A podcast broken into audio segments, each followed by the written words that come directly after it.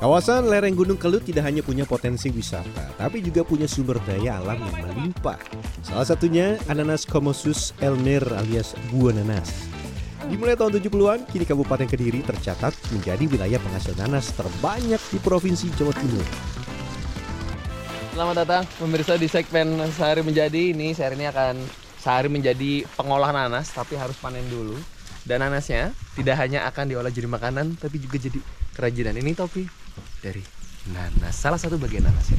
Kita akan mulai hari ini. Saksikan selengkap di segmen sehari menjadi Pak, cepat ada. Nah, jalan, jalan. Sakit ini. Kata kata ibunya ditabrak aja ya apa. Ada lebih dari 2.500 hektare lahan di Kabupaten Kediri menjadi kebun nanas dengan jumlah produksi pada tahun 2022 mencapai lebih dari 160 ribu ton. Ya, 160 ribu ton. Namun perlu diingat, usia panen nanas ternyata cukup lama, berkisar satu setengah tahun. Tahan. Cara panennya udah tinggal ditarik diputar dulu. Putar. Sampai dia putus.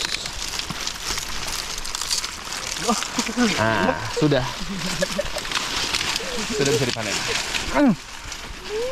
Mana? Oh di sana. Pak punten! Aduh, aduh. Eh, pak, pak, pak, pak, pak. Aduh,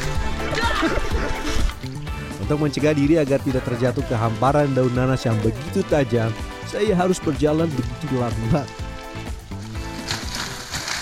eh.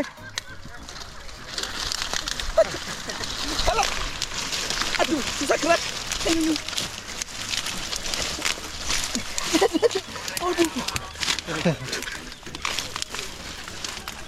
Pemilihan pupuk yang tepat menjadi salah satu cara petani nanas Kediri mendapatkan hasil maksimal. Daerah sini kan kita ada pelatihan dari dinas mas. Jadi kita pakai pupuknya itu pakai pupuk cair yang dibikin sendiri yang kita dibina juga oleh dinas pertanian Kabupaten Kediri. Dan sekarang sudah mulai diproduksi di sini mas. oh diproduksi Iya, itu diproduksi. pupuknya itu pupuk apa tuh pak De? Itu berbahan dasar urin, dari urin, urin sapi. Nanas yang sudah dipanen kemudian disortir. Grade A dengan bobot buah di atas 700 gram, grade B di bawah 700 gram. Pengiriman buah nanas ini tersebar merata ke Pulau Jawa dan Bali. Harga jual per butir rata-rata 7.000 hingga belasan ribu rupiah tergantung dengan ukuran. Tidak hanya buahnya, daun nanas yang biasanya hanya jadi pakan ternak atau bakal limbah juga bisa dimanfaatkan. Hanya daun dengan panjang sekitar 50 cm yang bisa digunakan untuk diekstrasi menjadi serat, kemudian diolah menjadi benang. Nah ini lagi siap-siap buat bikin serat nanas. Oke ini pak.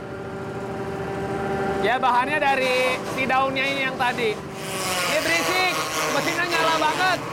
Ada satu, dua, tiga. Padahal baru tiga yang nyala.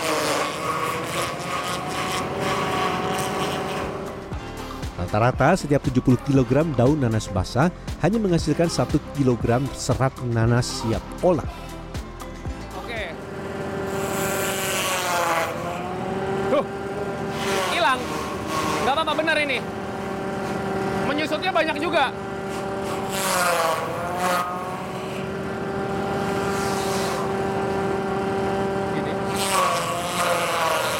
Satu gulungan besar yang seperti ini jadinya sedikit. Ini juga masih harus dikeringkan dulu. Pak, eh, monggo. Nah, ini yang udah kita lakuin. Di situ pembersihannya ya. Setelah melalui proses ekstraksi tahap pertama, serat akan dimasukkan kembali ke dalam mesin.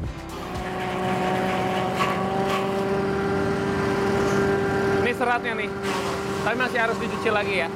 Tapi ini sudah diambil seratnya. Ini Pak. Dan kalau di bagian yang tersisanya, nah ini tidak dibuang, tapi dimanfaatkan untuk menjadi pakan ternak. Jadi yang terbuang sia-sia. Nanasnya bisa kita konsumsi, bisa diolah juga dan daunnya bisa jadi serat dan makan. Lanjut. Serat akan dicuci 2-3 kali sampai berwarna putih pucat. Setelah itu gunting serat nanas yang menggumpal terutama di bagian pangkal.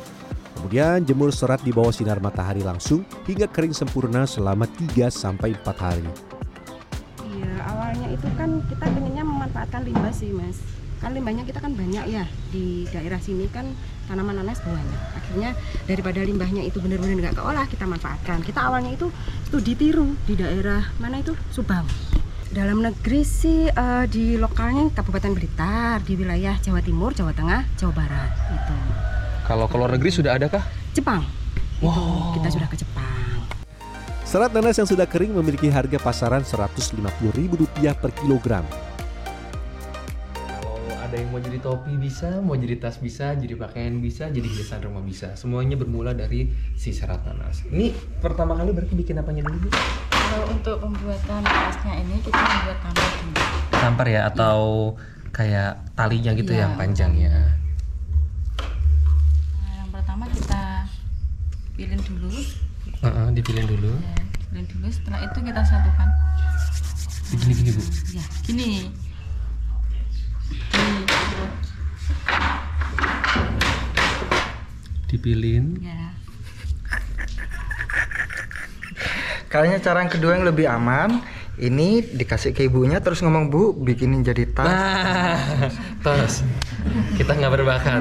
Kita bikin serat nanas lagi aja ya. Ini susah ini kerajinan begini. Ya, karena juga butuh ketelatenan.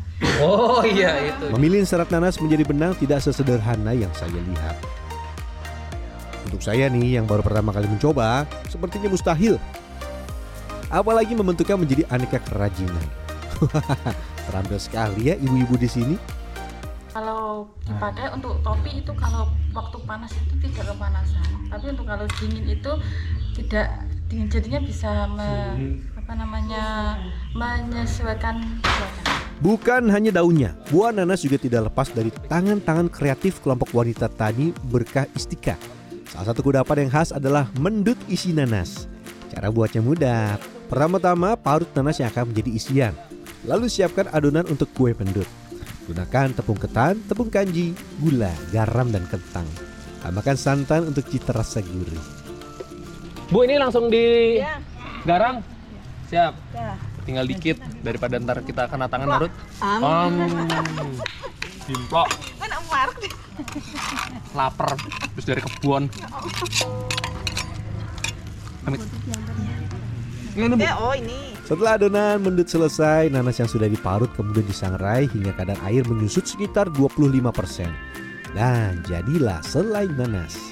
Lanjut ambil sedikit adonan mendut dan beri isian selai nanas, lalu bentuk mendut menjadi bulatan. Mau dibikin kerucut dulu atasnya ya. Bu kalau modelnya dibikin lain misalnya nggak bulat gitu. Nggak apa-apa kan bu? Namanya bukan mendut. Ah. Oh sekarang ada yang dimodifikasi dibungkus pakai plastik. Oh, ada dimodifikasi ya, Bu ya. Putri mandi namanya. Namanya kue Putri Mandi. Oh, jajanan pasar juga ya, Bu ya. Jangan lupa sebelum dilipat dengan daun pisang, beri santan lagi untuk menambah rasa gurih pada bagian kulit terluar mendut. Mendut siap dikukus sekitar 25 menit.